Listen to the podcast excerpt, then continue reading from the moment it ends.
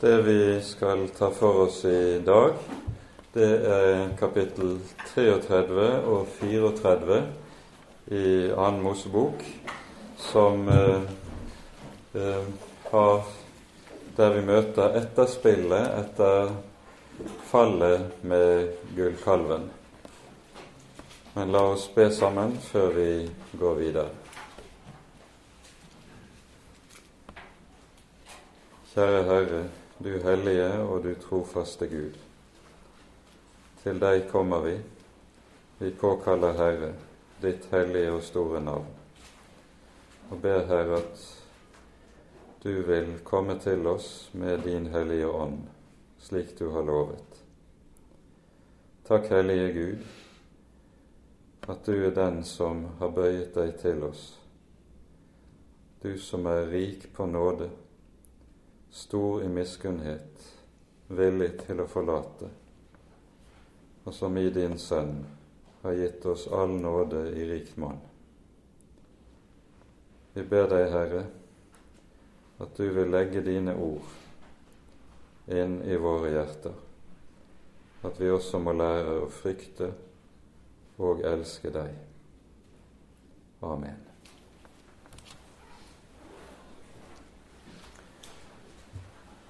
Sist gang var vi altså sammen om eh, kapittel 32, der vi hører beretningen om Israels store fall i synd med gullkalven. Og det som jo er det store alvor som vi står overfor med denne synd, det er eh, Det forstår vi hvis vi skjelner mellom det vi kaller for religiøs synd og moralsk synd. Mellom det som står beskrevet på lovens første tavle, og det som står omtalt på lovens andre tavle. På lovens første tavle hører vi de bud som taler om vårt Guds forhold, hva et rett forhold til Herren er og består i, de tre første bud. På lovens siste tavle hører vi om det som eh, dreier seg om forholdet til vår neste, det som eh, eh, vi kan kalle for eh, det moralske forhold i, når det gjelder hvorledes vi skal omgås vår neste. Og så er altså synd mot lovens annen tavle, det kan vi kalle for moralsk synd. Synd mot lovens første tavle er religiøs synd. Og det er slik, det ser vi i Det gamle testamentet, at den synd som ødelegger gudsforholdet fra grunnen av, det er, det er den religiøse synd, synden mot første tavle, først og fremst av gudsdyrkelsen. Og denne, fører, denne synd fører altså til at pakten brytes.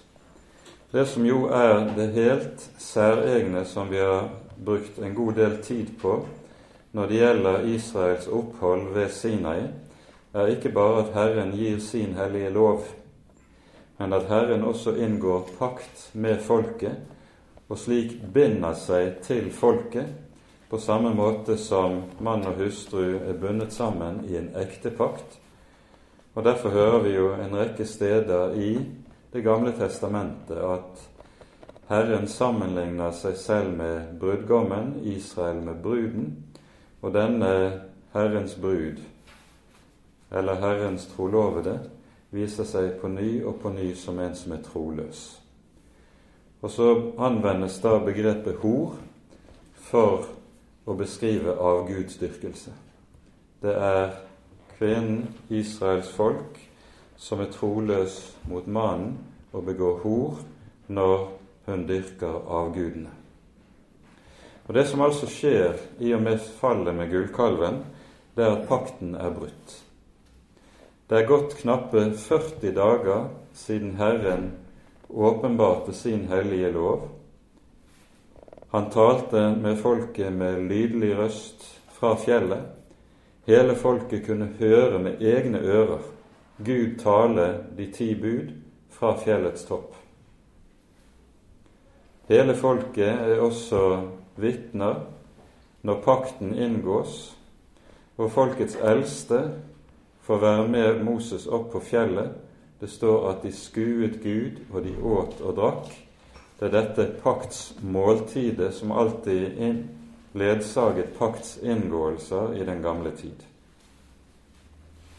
Og så går det 40 dager, og så går dansen rundt gullkalven. Vi kan synes dette er utrolig, men det viser en ustadighet eh, i Israels folk og i Israels hjerteforhold som på ny og på ny kommer til syne gjennom hele Israels historie. Og så er det det virkelige alvorlige eh, truer, nemlig at Gud med sin vrede skal gjøre ende på folket. Og her er det for første gang vi for alvor virkelig møter den vrede Gud i reaksjonen på fallet. Denne Guds vrede kommer til uttrykk først overfor Moses, som når Herren sier til Moses Dette leser vi i kapittel 32 om hva folk har gjort seg skyldig i nede i leiren. Moses er fortsatt oppe på Sinai berg. Så sier Herren, la nå meg være alene. Så vil jeg gjøre ende på folket, og så vil jeg i stedet gjøre deg til et stort folk. Syndens lønn er døden. Og dette er noe som står fast og gjelder gjennom hele Den hellige Skrift. Moses går ikke inn på dette som Herren sier, men i stedet gjør han det som vi leste i Salme 106, når dette beskrives i ganske få ord. Moses stiller seg i gapet for Herrens åsyn og avvenner Guds vrede. Og så hører vi Moses' forbønn tre ganger for folket i disse kapittel 32 og 33. Først umiddelbart, allerede før han har kommet ned fra fjellet og med egne øyne har sett hva folket har gjort seg skyldig i. Dernest på slutten av kapittel 32, der vi møter en forbønn fra Moses' sin side som savner sidestykket i hele Det gamle testamentet. Vi hører Moses be. Vi leser fra kapittel 32. Eh, vers 31 og 32 står det Så vendte Moses tilbake til Herren og sa:" Å, dette folk har gjort en stor synd de har gjort seg en gud av gull, og om du ville forlate dem deres synd. Men hvis ikke, da stryk meg ut av din bok som du har skrevet. Her møter vi det forunderlige i Mose kjærlighet til dette folk. Og dette er noe som gir grunn til undring stadig vekk. Hvis du leser andre Mosebok til fjerde Mosebok i sammenheng, så vil du se at det som kjennetegner Israels forhold til Moses, det er slett ikke at her står du overfor et trofast folk som i beundring ser opp til sin store leder, men et folk som på ny og på ny knurrer mot Moses.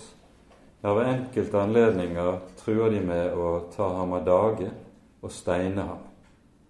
Allerede i annen Mosebok, i kapitlene før vi her, det vi er kommet til nå, møter vi dette sinnet. Folket er et folk som slett ikke følger Moses trofast. Tvert om knurrer de mot ham, klager på ham, anklager ham Og så hører vi Moses trass i alt dette. Han elsker dette folk. Når Herren truer med å tilintetgjøre dem i sin vrede, går han i forbønn for dem.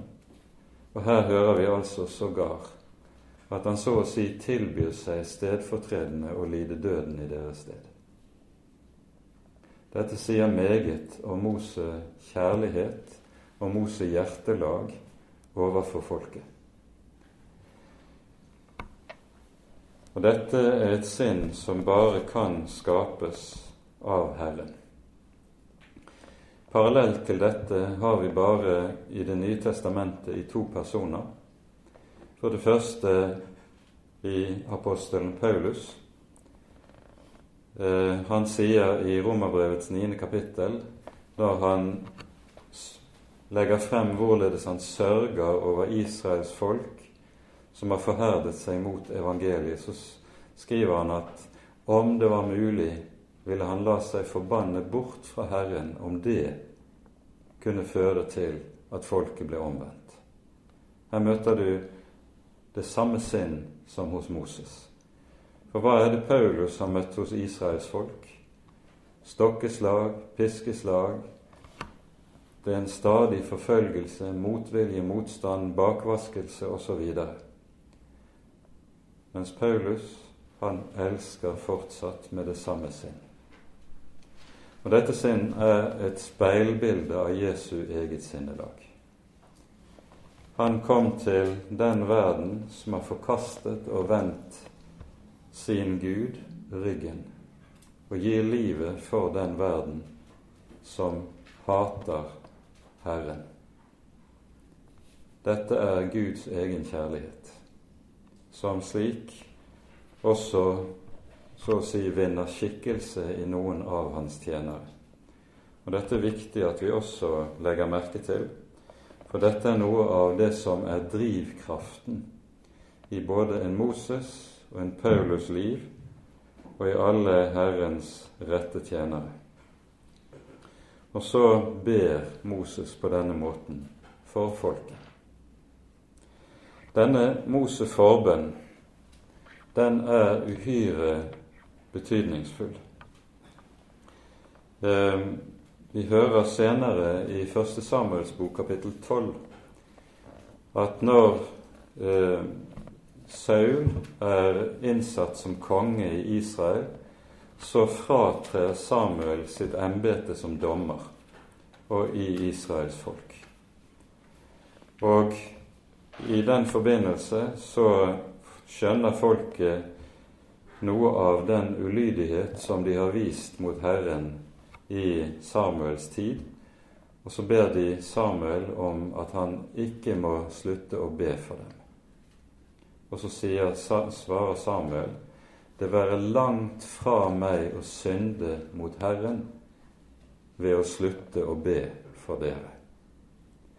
Og Vi forstår at denne forbønn hører med som en avgjørende side ved profetens tjeneste, like som ved Moses tjeneste, og like som ved Herrens rette tjenere gjennom hele Skriften. Denne forbønn er helt sentral og avgjørende. en kommentar til disse kapitlene eh, henter frem noe som en iakttagelse som er gjort i jødisk tradisjon av noen av de sentrale skikkelser i Mosebøkene. Noah, Abraham og Moses eh, stilles opp eh, sammen, og så kommenteres det om disse følgende. Noah får Herrens befaling om å bygge arken. Han bygger arken for seg selv og for sine, men vi hører ikke noe om en forbønn fra Noah sin side, ikke noe som Noah gjør for å berge sine samtidige. Når Abraham senere dukker opp på arenaen, så hører vi ham be for Sodoma og Gomorra i det 19. kapittel. Men han ber for de rettferdige i Sodoma og Gomorra. Er det ti rettferdige, vil du da spare byen for han utbedt seg fra Herren. Men Moses, han ber ikke for de rettferdige. Han ber for de ugudelige. For det folk som har falt, som har sveket, og som har brutt pakten. Dette kaster et særlig lys over nettopp Moses forbønn, som vi hører om i disse kapitlene. Det er altså tre ganger i kapittel 32 og 33 Moses forbønn for folket er gjengitt. Moses får til svar i eh, kapittel 32, vi leser de siste versene i kapittel, følgende. Da sa Herren til Moses, Vær den som har syndet mot meg, ham vil jeg stryke ut av min bok. Det første vi skal merke oss med dette, det sier Herren, ett menneske kan ikke gjøre soning for et annet menneskes synd. Det er en grunnlov i Skriften, og det er en grunnlov som uh, tas opp systematisk i Salme 49. Dette temaet i Salme 49 i Davidssalmene. Og ta dere tid til å lese denne salmen når dere er på egen hånd. Her skal vi bare sitere et par vers. Tales om det som er menneskets lodd her i verden. Både fattig og rik er hjemfalne til døden og det som hører døden til. Og så står det i Salme 49 fra vers 8 en mann kan ikke utløse en bror. Han kan ikke gi Gud løsepenge for ham, så han skulle forbli til evig tid og ikke se graven. For utløsning av deres sjel er for dyr. Han må avstå derfra til evig tid. Ja, et menneske kan ikke gjøre soning for et annet menneskes synd. For utløsningsprisen er for dyr. Men så står det henimot slutten av salmen, i vers 16.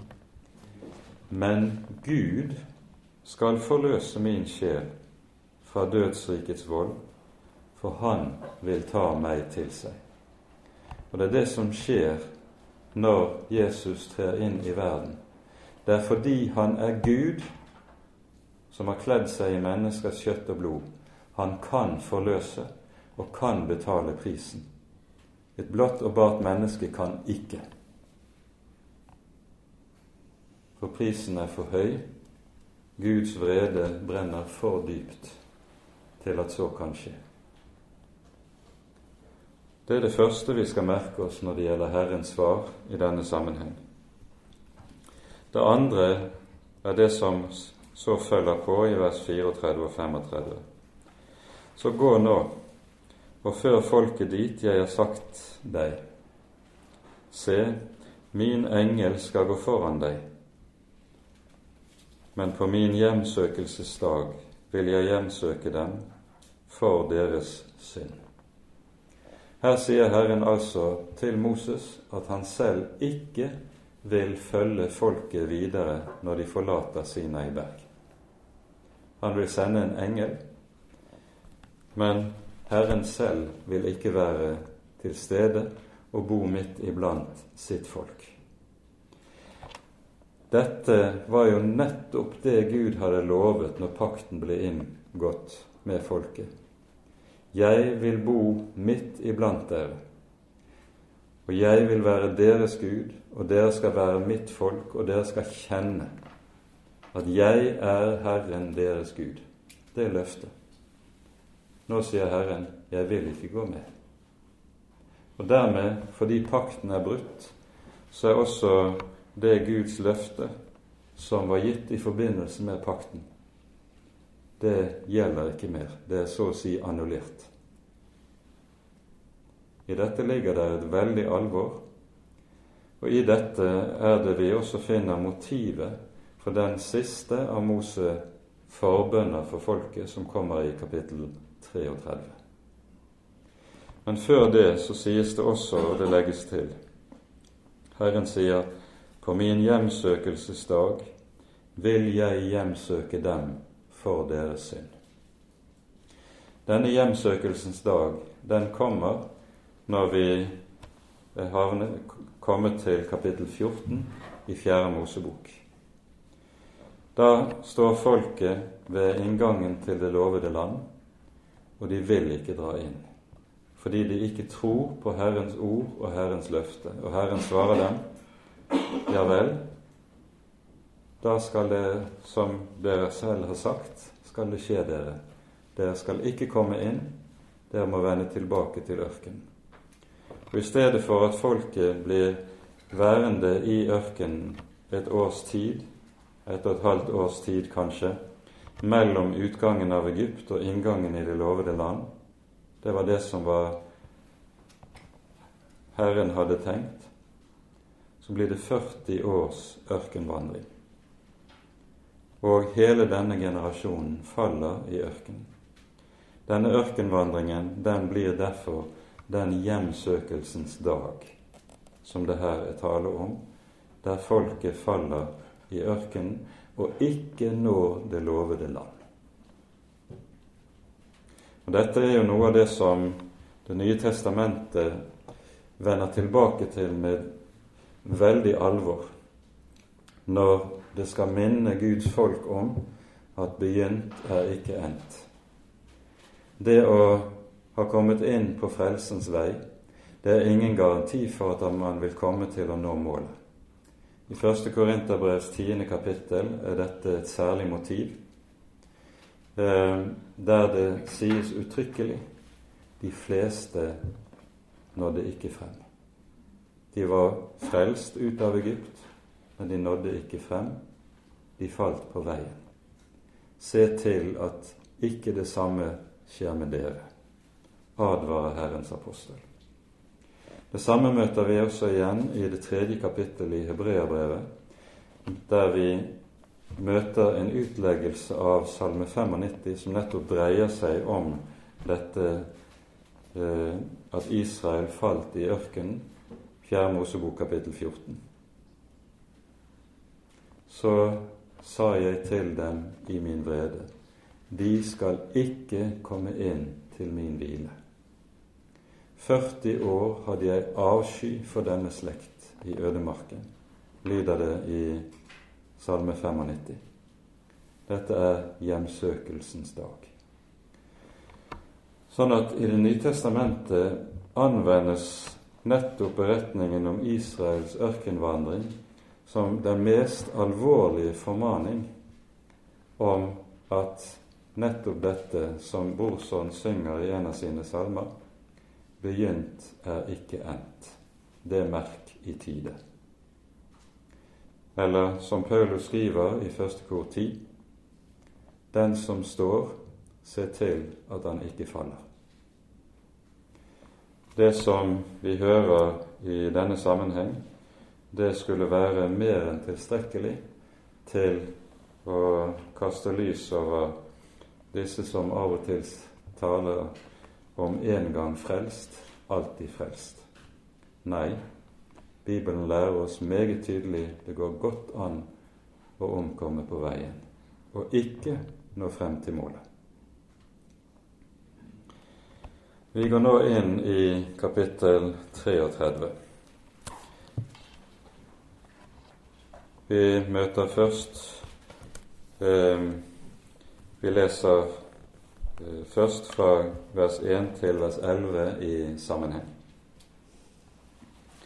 Herren sa til Moses, Dra nå bort herfra, både du og det folk du har ført opp fra landet Egypt, til det land som jeg med ed har lovet Abraham, Isak og Jakob, da jeg sa, Din ett vil jeg gi deg. Jeg vil sende en engel foran deg og drive ut kananeerne, amorittene og hetittene og feresittene og hevittene og jebusittene. Dra opp til et land som flyter med melk og honning. Jeg vil ikke selv dra med deg, for du er et hårnakket folk. Jeg ville da komme til å ødelegge deg på veien. Da folket hørte denne hårde tale, sørget de, og ingen tok smykkene sine på seg For Herren sa til Moses, si til Israels barn, dere er et hardnakket folk. Om jeg så bare for ett øyeblikk vandret med deg, så måtte jeg ødelegge deg. Men legg nå dine smykker av deg, så jeg kan vite hva jeg skal gjøre med deg. Da tok Israels barn smykkene sine av og bar dem ikke mer etter at de var dratt fra fjellet Horeb. Men Moses tok et telt og slo det opp utenfor leiren, et godt stykke fra. Han kalte det sammenkomstens telt, og enhver som søkte Herren, gikk ut til sammenkomstens telt utenfor leiren. Hver gang Moses gikk ut til teltet, reiste hele folket seg. De sto hver i døren til sitt telt og så etter Moses, til han var kommet inn i teltet. Og når Moses var kommet inn i teltet, da senket skystøtten seg og sto i døren til teltet, og han talte med Moses.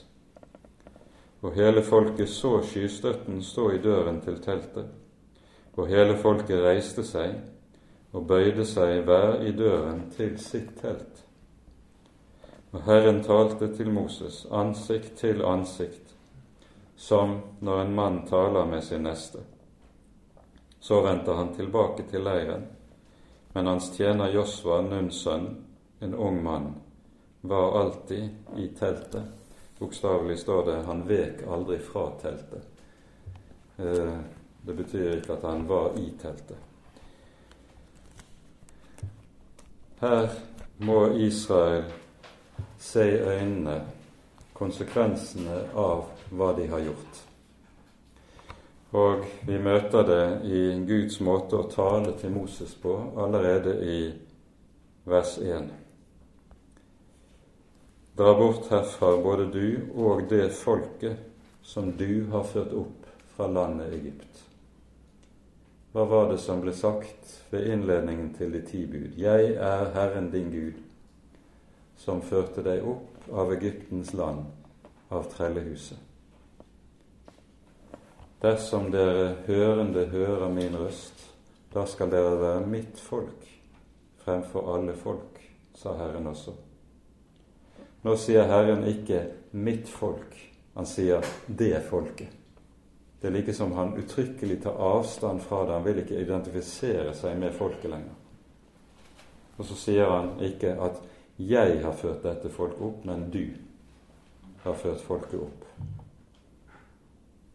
Og så lyder det altså meget tydelig, som vi allerede har vært inne på, Herren sier 'jeg vil ikke gå med'. Og dette folk er et hårnakket folk.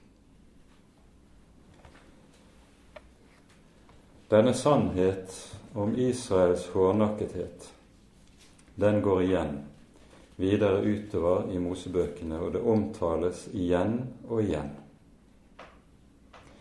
I, kanskje skal vi her særlig gjøre oppmerksom på det som sies i 5. Mosebok, kapittel 9. Her står folket etter 40 års ørkenvandring der hele den generasjon som var voksen når de forlot Egypt, er borte. Barna er nå vokst til. Det er de som nå skal få komme inn i landet. Og så gjør Moses det klart hva grunnlaget er for at de skal få lov til å få denne arv fra Herrens hånd. Vi leser fra vers 4. Når nå Herren din Gud driver dem ut for deg, må du ikke tenke som så. Det er for min rettferdighets skyld Herren har ført meg inn i dette land og latt meg få det til eiendom. Nei, det er for disse folks ugudelighets skyld Herren driver disse hedningene ut for deg. Ikke for din rettferdighets skyld, eller for ditt oppriktige hjertes skyld, kommer du inn i deres land og tar de eie men det er for deres ugudelighets skyld Herren din Gud driver disse hedninger ut for deg, og for å holde det løftet Herren med ed har gitt dine fedre, Abraham, Isak og Jakob. Så skal du vite at det ikke er for din rettferdighets skyld Herren din Gud gir deg dette gode land til eie, for du er et hårnakket folk. Kom i hu, så minner Moses om hvorledes Israels folk på ny og på ny har fristet Herren og vist seg som det hårnakkede folk under hele ørkenvandringen. Det er altså ikke på grunn av Israels rettferdighet de får landet i eie, men det er på grunn av Guds løfte. Han vil holde den ed han har sverget. Det er på grunn av Guds løfte. Senere gjennom Det gamle testamentet dukker denne sannhet om Guds folks hårnakkethet om igjen og om igjen opp. Og hos profeten Jeremia du kan ta for deg en bibelordbok og se, der er dette et hovedtema. Der brukes ikke så ofte begrepet den, 'de hårde nakker', men begrepet 'de hårde hjerter'. Folket er et hårhjertet folk, som er uimottagelig for Herrens ord, for Guds nåde og for Guds kjærlighet. De går alltid sine egne veier.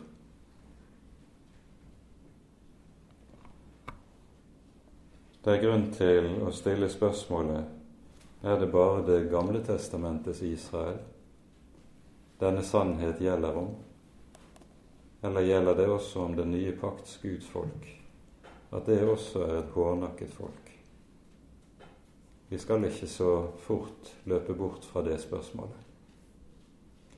For vi ser om igjen og om igjen gjennom hele Kirkens historie hvor vanskelig det er for Guds folk på alvor å høre Guds ord og bøye seg for det. Om igjen og om igjen søker Herrens folk å tilpasse ordet, kristendommen, Kirken, til egne tanker, hva menneskene selv mener er fornuftig og mulig å godta. Herren har såre vanskelig for å bli hørt på alvor. Det gjelder også i den nye pakt. Dette som her sies om Israels folk, det manifesteres meget tydelig med at Moses reiser dette møteteltet utenfor leiren.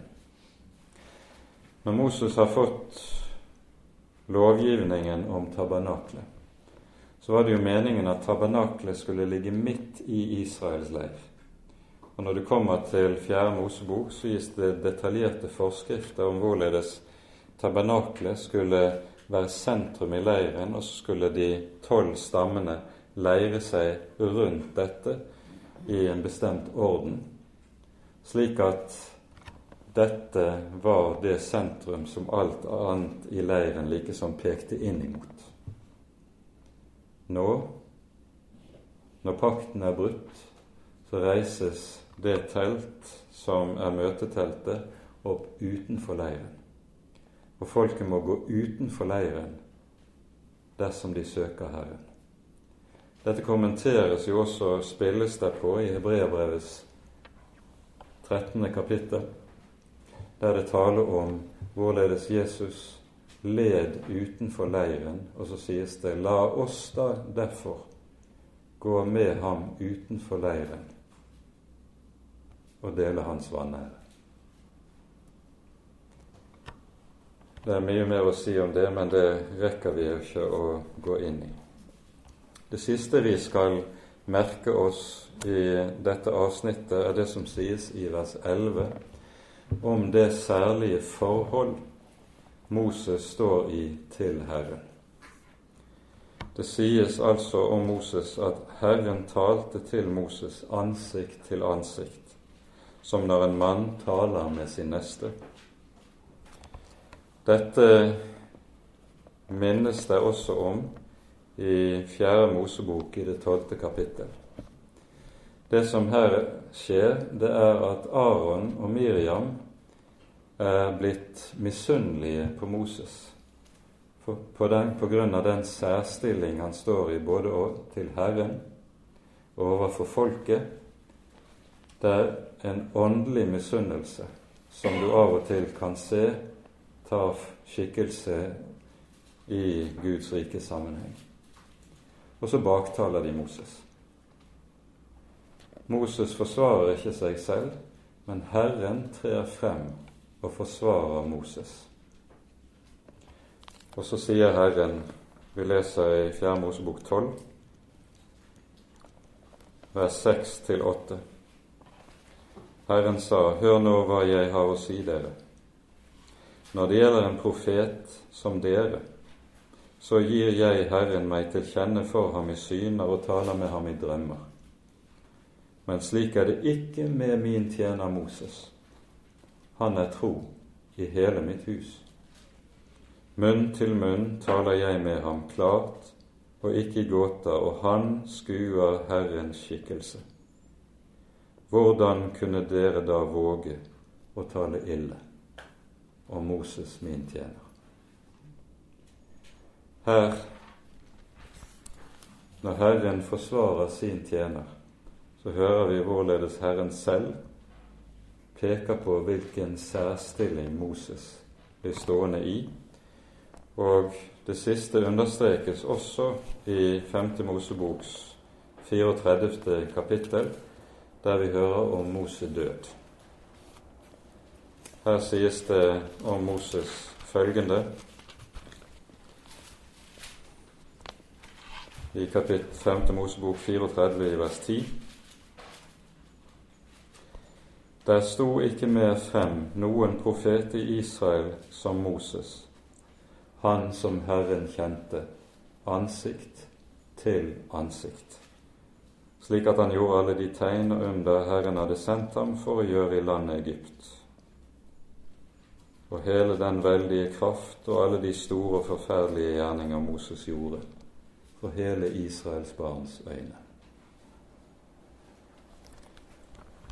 Moses står i en særstilling i Den hellige Skrift.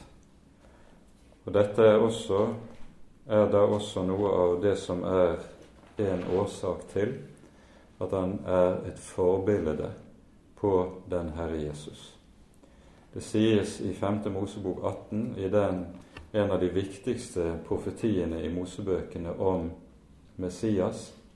Der sies det om ham en profet like som meg skal Herren din Gud oppreise dere. På ham skal dere høre en profet like som Moses, en som står i en særstilling i forhold til Herren, like som Moses.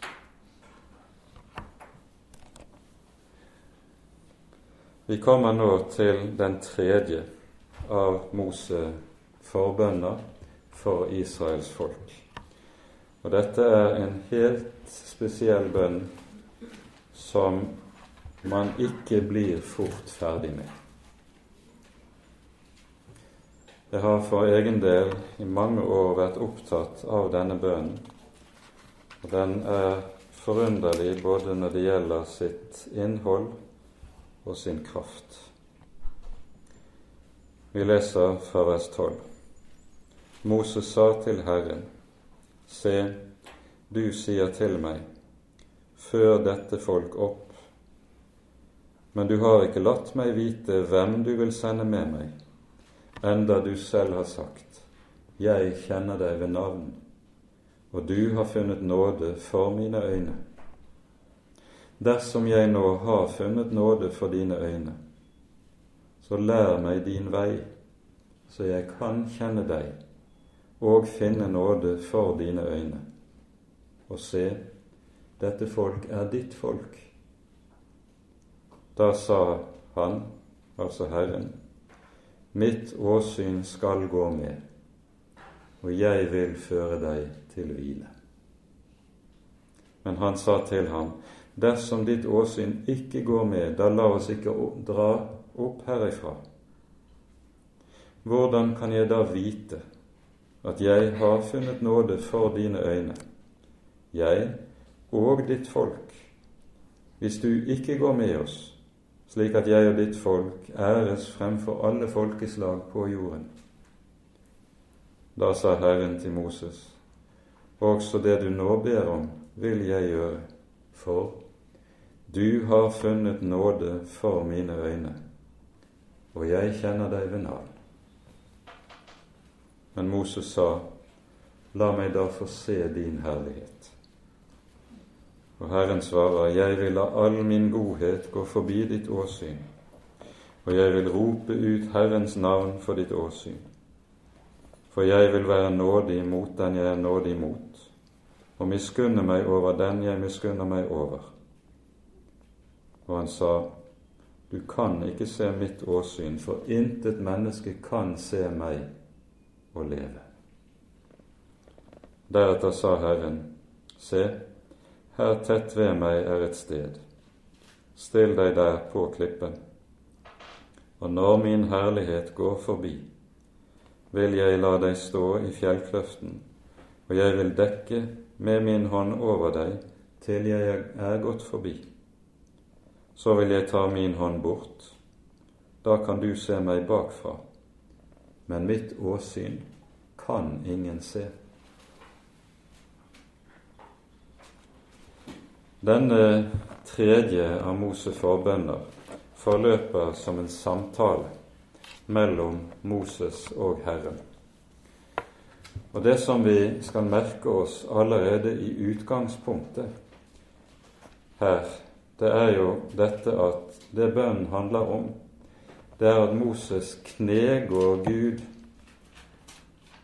for at Herren skal forlate sitt forsett om at han ikke vil gå med folket. Herren må være med. Og så sier han dersom ditt åsyn ikke går med, da la oss ikke dra opp fra dette sted. Det er som han sier, det er bedre å bo i ørkenen med Herren på Sinai enn i Israels land som flyter av melk og honning uten Herren.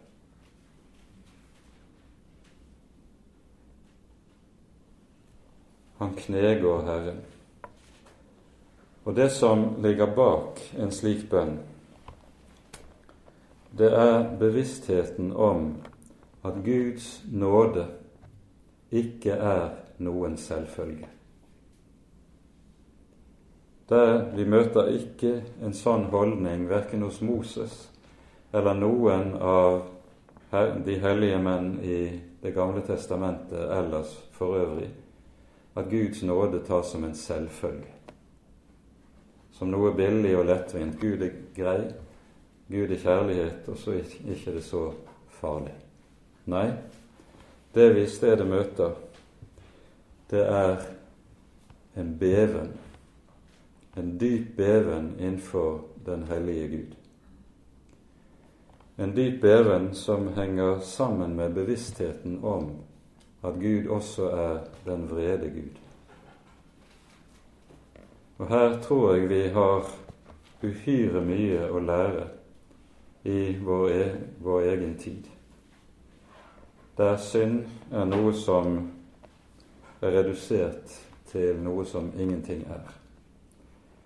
Blant mange kristne er begrepet synd bare en teologisk fagterm som man ellers ikke anvender. Det er ikke noe man frykter. Og det er slett ikke noe som har følger i form av at Gud kan vredes. Slik tenker ikke beskriften. Og her står vi overfor noe i våre dager som er uhyre som står uhyre langt fra det som er Bibelens egen tankeverden og Bibelens egen åpenbaring. Der kirker og organisasjoner er fulle av PR-folk, Guds PR-folk som skal gjøre Guds Gud mest mulig tiltalende for folk flest. For Gud ikke lenger er noe problem, Gud ikke lenger er noe farlig. Den hellige Gud er en Gud som en bever innenfor. Det at en ikke bever for Herren, men tar Hans nåde som en selvfølge, det vitner om at en ikke kjenner Han som er den levende Gud. I dette ligger det et veldig alvor, og det er denne beven som gjennomdirrer hele Moses bønn når han trer inn for Herrens ansikt i bønn for folket.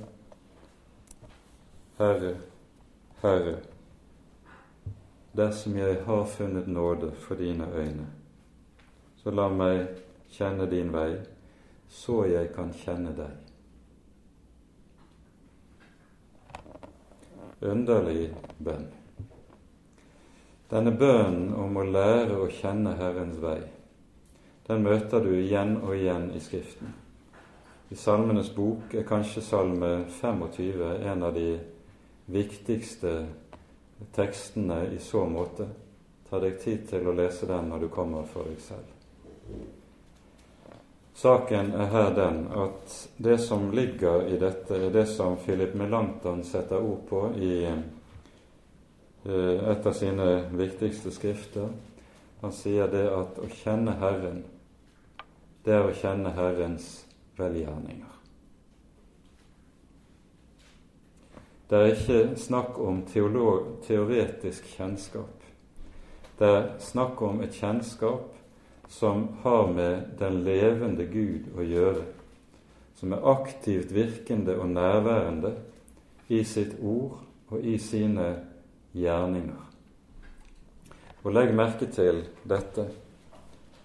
Dersom jeg har funnet nåde for dine øyne, så lær meg din vei, så jeg kan kjenne deg å finne nåde for dine øyne. Det er altså sånn at det begynner med 'dersom jeg har funnet nåde for dine øyne, så la meg', og så 'for at jeg kan finne nåde for dine øyne'. Det er dette som vi møter igjen i Det nye testamentet når Johannes i innledningen til sitt evangelium skriver 'Av Hans fylde har vi alle fått', og det nåde over nåde. Det å motta nåde, det er forutsetning for å motta ny nåde, altså til å fornyes i nåden. Det er dette som på en måte dynamikken i det som Moses her sier, og som eh, også lyder i Guds svar til Moses i vers 19 når han sier 'Jeg vil være nådig mot den som jeg er nådig imot. Det er nøyaktig samme sak. Jeg vil miskunne meg over den jeg miskunner meg over.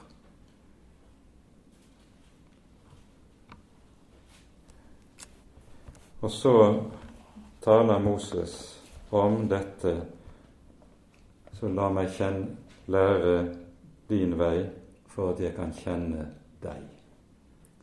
Og dette uttrykket 'å kjenne deg' Det er jo slik at det å kjenne, dette verbet beskriver i Bibelen det næreste personlige fellesskap.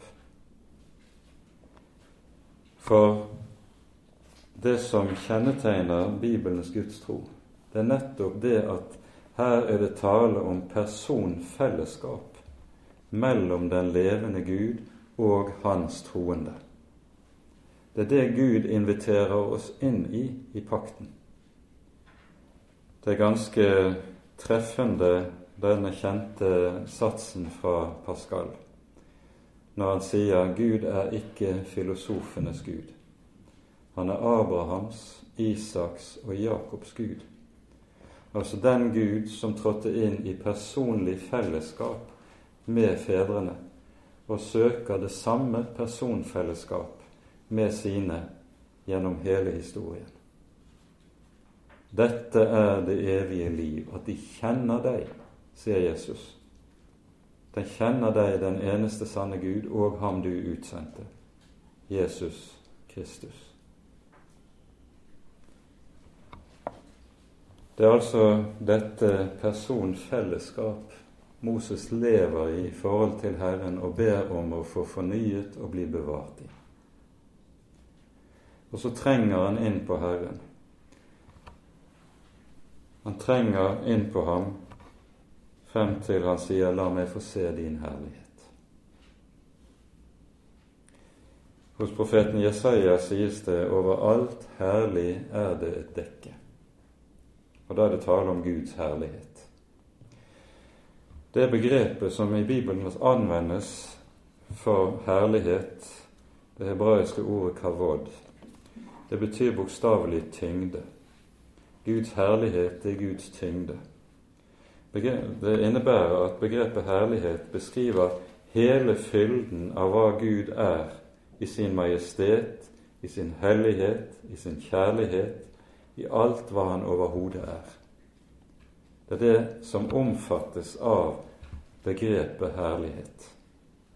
Og så ber altså Moses om 'la meg få se din herlighet', og får til svar 'intet menneske kan se meg, se mitt ansikt og leve'. Å se Guds herlighet er noe som er umulig for oss her i tiden. For Gud bor i et lys dit intet menneske kan komme eller nå, skriver apostelen Paulus. Derfor er det slik at når Gud kommer med sin herlighet, så det alltid dekker over denne herlighet her i tiden.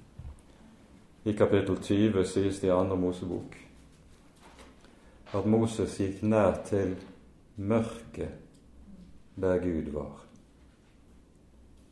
Moses får ikke komme inn i det lys som er det evige lys, som er for sterkt til at noe menneske kan tåle å se det.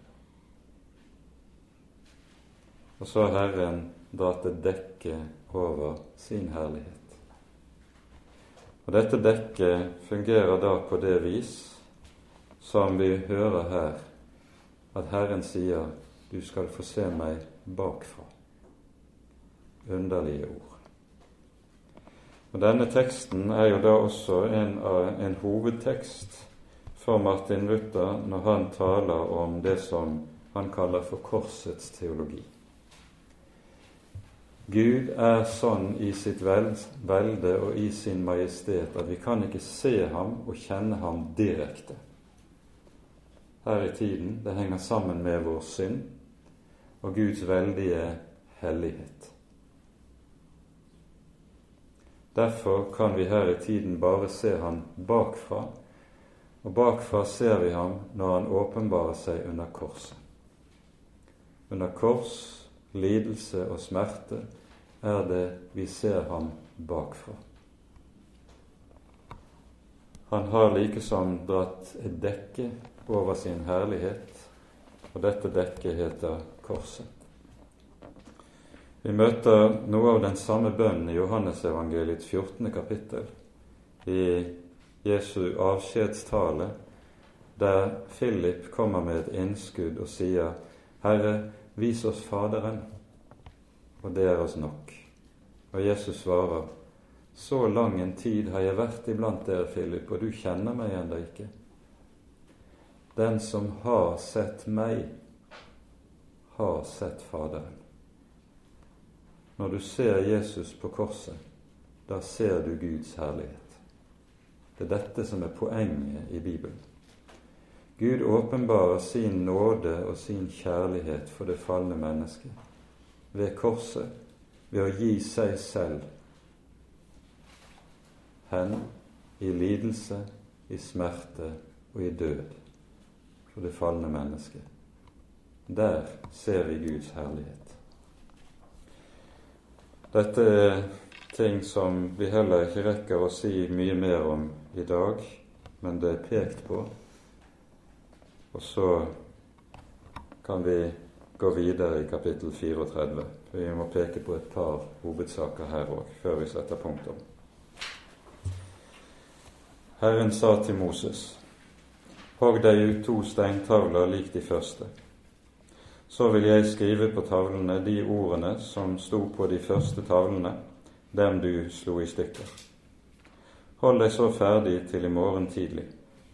Da skal du stige opp på Sinai berg og vente på meg der, på toppen av fjellet. Ingen må gå med deg opp, og ingen må vise seg på hele fjellet. Heller ikke må sauer eller okser beite under dette fjell. Så hogg Moses ut to steintavler lik de første. Han sto tidlig opp om morgenen og steg opp på Sinai berg, som Herren hadde befalt ham han hadde de to steintavlene i sin hånd. og Herren steg ned i skyen og stilte seg der hos ham og ropte ut Herrens navn. Herren gikk forbi hans ansikt og ropte, Herren, Herren, er en barmhjertig og nådig Gud, langmodig og rik på nåde og sannhet. Han lar miskunn vare ved gjennom tusen ledd.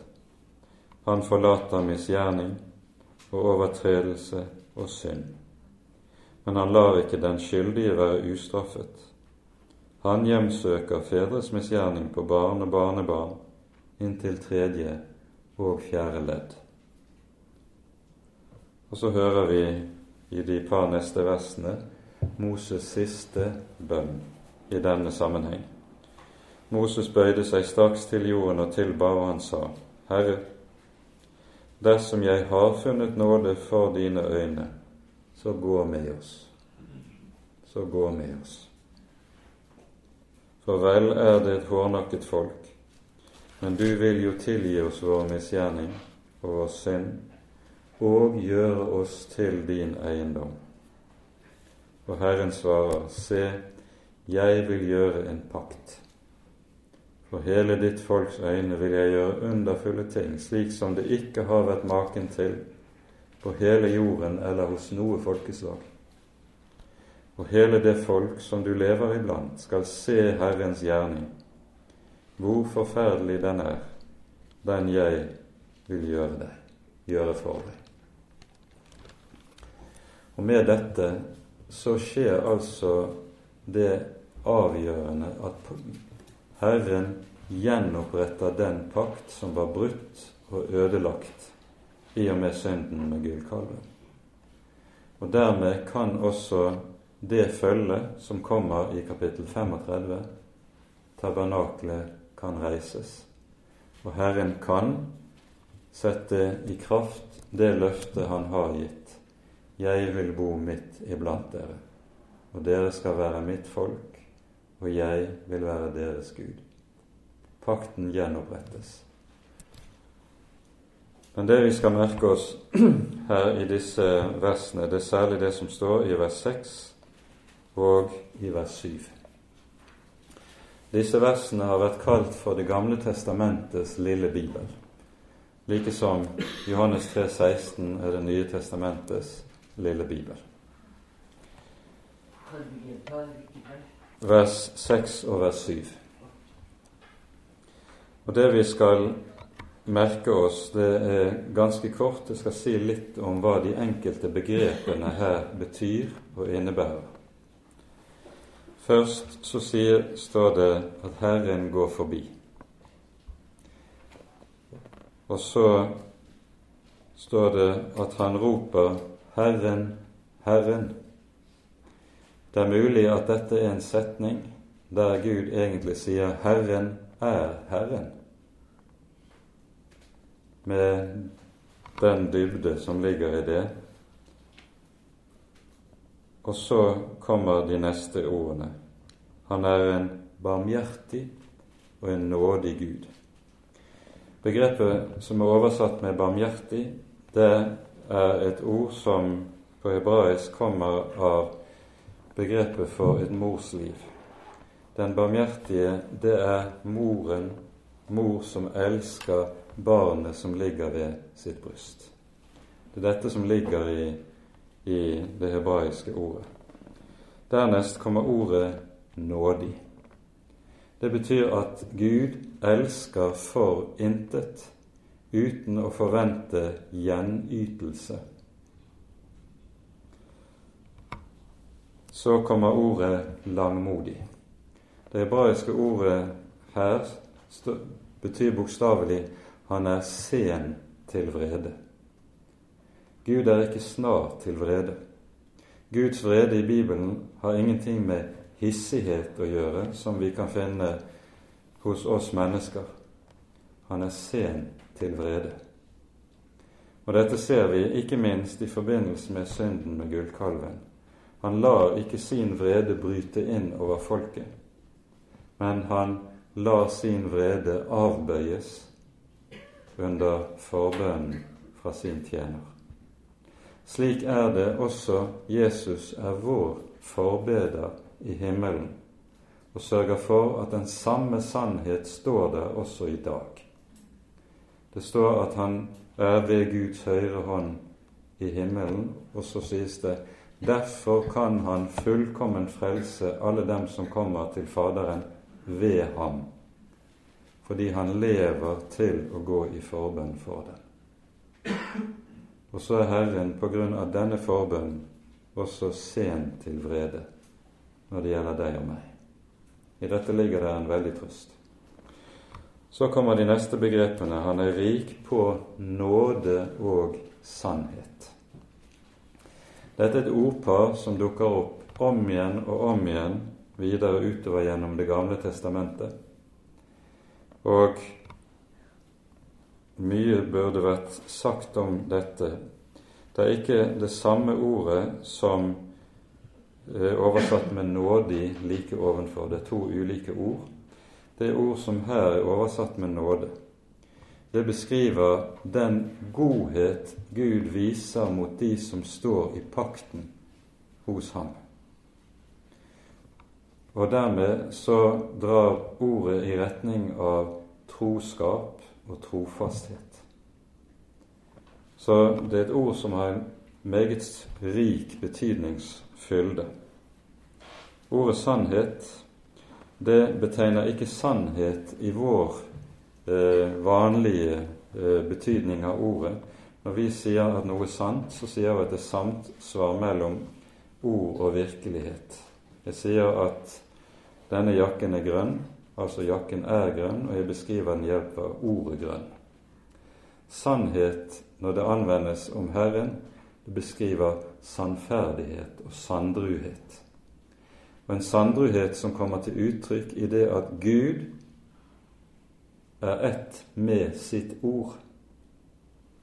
Han er ikke en som sier én ting og gjør noe annet. Han er ett med sitt ord, og det er det som er sann, Guds sandruhet i Skriften. Og dette er viktig å forstå. Og så kommer det vi hører i vers 7. Han lar miskunn vare ved gjennom tusen ledd. Bokstavelig står det han bevarer, han vokter miskunnhet. Altså Guds nåde er ikke noe som ligger der like som passivt henslengt, men det er noe som Gud aktivt vokter om at skal få lov til å gjelde. Og så står det 'han forlater'. Nå møter vi for første gang i Det gamle testamentet Eh, det særlige ord for å tilgi synd. Eh, det er et hebraisk verb som utelukkende i Det gamle testamentet anvendes med Gud som subjekt. Det er Gud som kan tilgi. Forlatelsen hører Herren til. I moderne hebraisk anvendes det vanlig om tilgivelse blant mennesker. Sier du unnskyld for å slippe frem i en kø, så bruker du dette ordet. Men sånn er det ikke i bibelhebraisk. Og så anvendes det altså de tre hovedordene for synd som du møter i Det gamle testamentet. Det første ordet som er oversatt med overtredelse Nei, unnskyld, som er oversatt med misgjerning, det er det hebraiske ordet avon det betegner synden som pervertering. Man gjør det som er rett, kroket. Og synd er nettopp en del av syndens karakter er nettopp det at den fordreier det som er godt og rett. Den perverterer. For det andre brukes begrepet overtredelse. Det er et ord som Eh, kunne, godt kunne oversettes med opprør. Det betyr bokstavelig det at et menneske vet hva som er rett, og likevel handler stikk imot det. Det er altså tale om bevisst synd, det vi, vi vil kalle bevisst synd. Så Gud, når Han forlater, så forlater Han både den synd som handler om pervertering av det gode og det rette.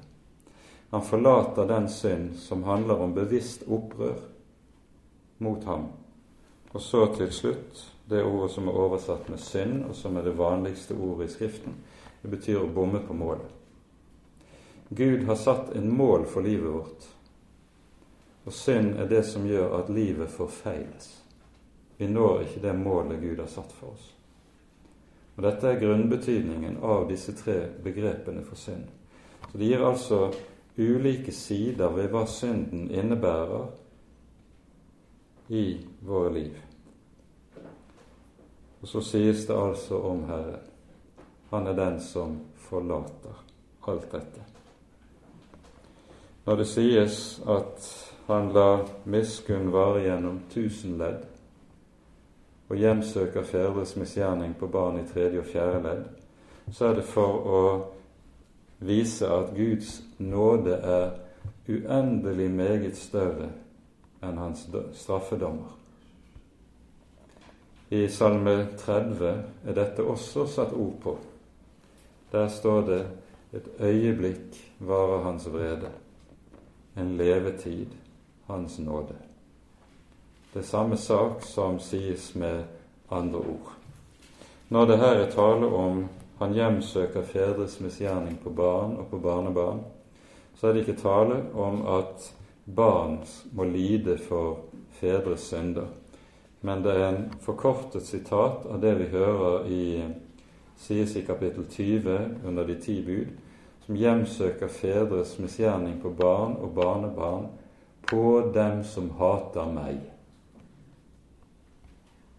Det som var vanlig i eh, datiden, var jo nettopp at familiene bodde i det som i dag kalles for generasjonsboliger. Du hadde både oldefar og bestefar og far og barn i samme hus, med ektefeller og eventuelt tjenerskap og hva det var. Så her er det snakk om hvorledes hele husholdningen likesom preges av bestemt, bestemte synder, som eventuelt da også vil bli møtt med Guds svar på dette. Det er dette som er tankegangen i det som ligger her. Vi rekker ikke å gå videre, men dette for å gi en viss innblikk i hva, hva som Bibelens ord og språk fører med seg. Og så får Moses på denne måten se Gud bakfra. I slutten av kapittelet hører vi at Herren skriver paktens ord på de nye steintavlene. Moses går ned fra fjellet med tavlene. Og så står det at Moses' ansikt skinte fordi Herren hadde talt med ham. Men Moses visste ikke at ansiktet skinte. Men folket fryktet når de så Moses. Og så har Moses skuet Herrens herlighet, skuet ham bakfra men han bærer med seg et gjenskinn av dette. Og med det setter vi punktum for kveldens gjennomgang. Ære være Faderen og Sønnen og Den hellige ånd, som var og er og være skal en sann Gud, høylovet i evighet. Amen.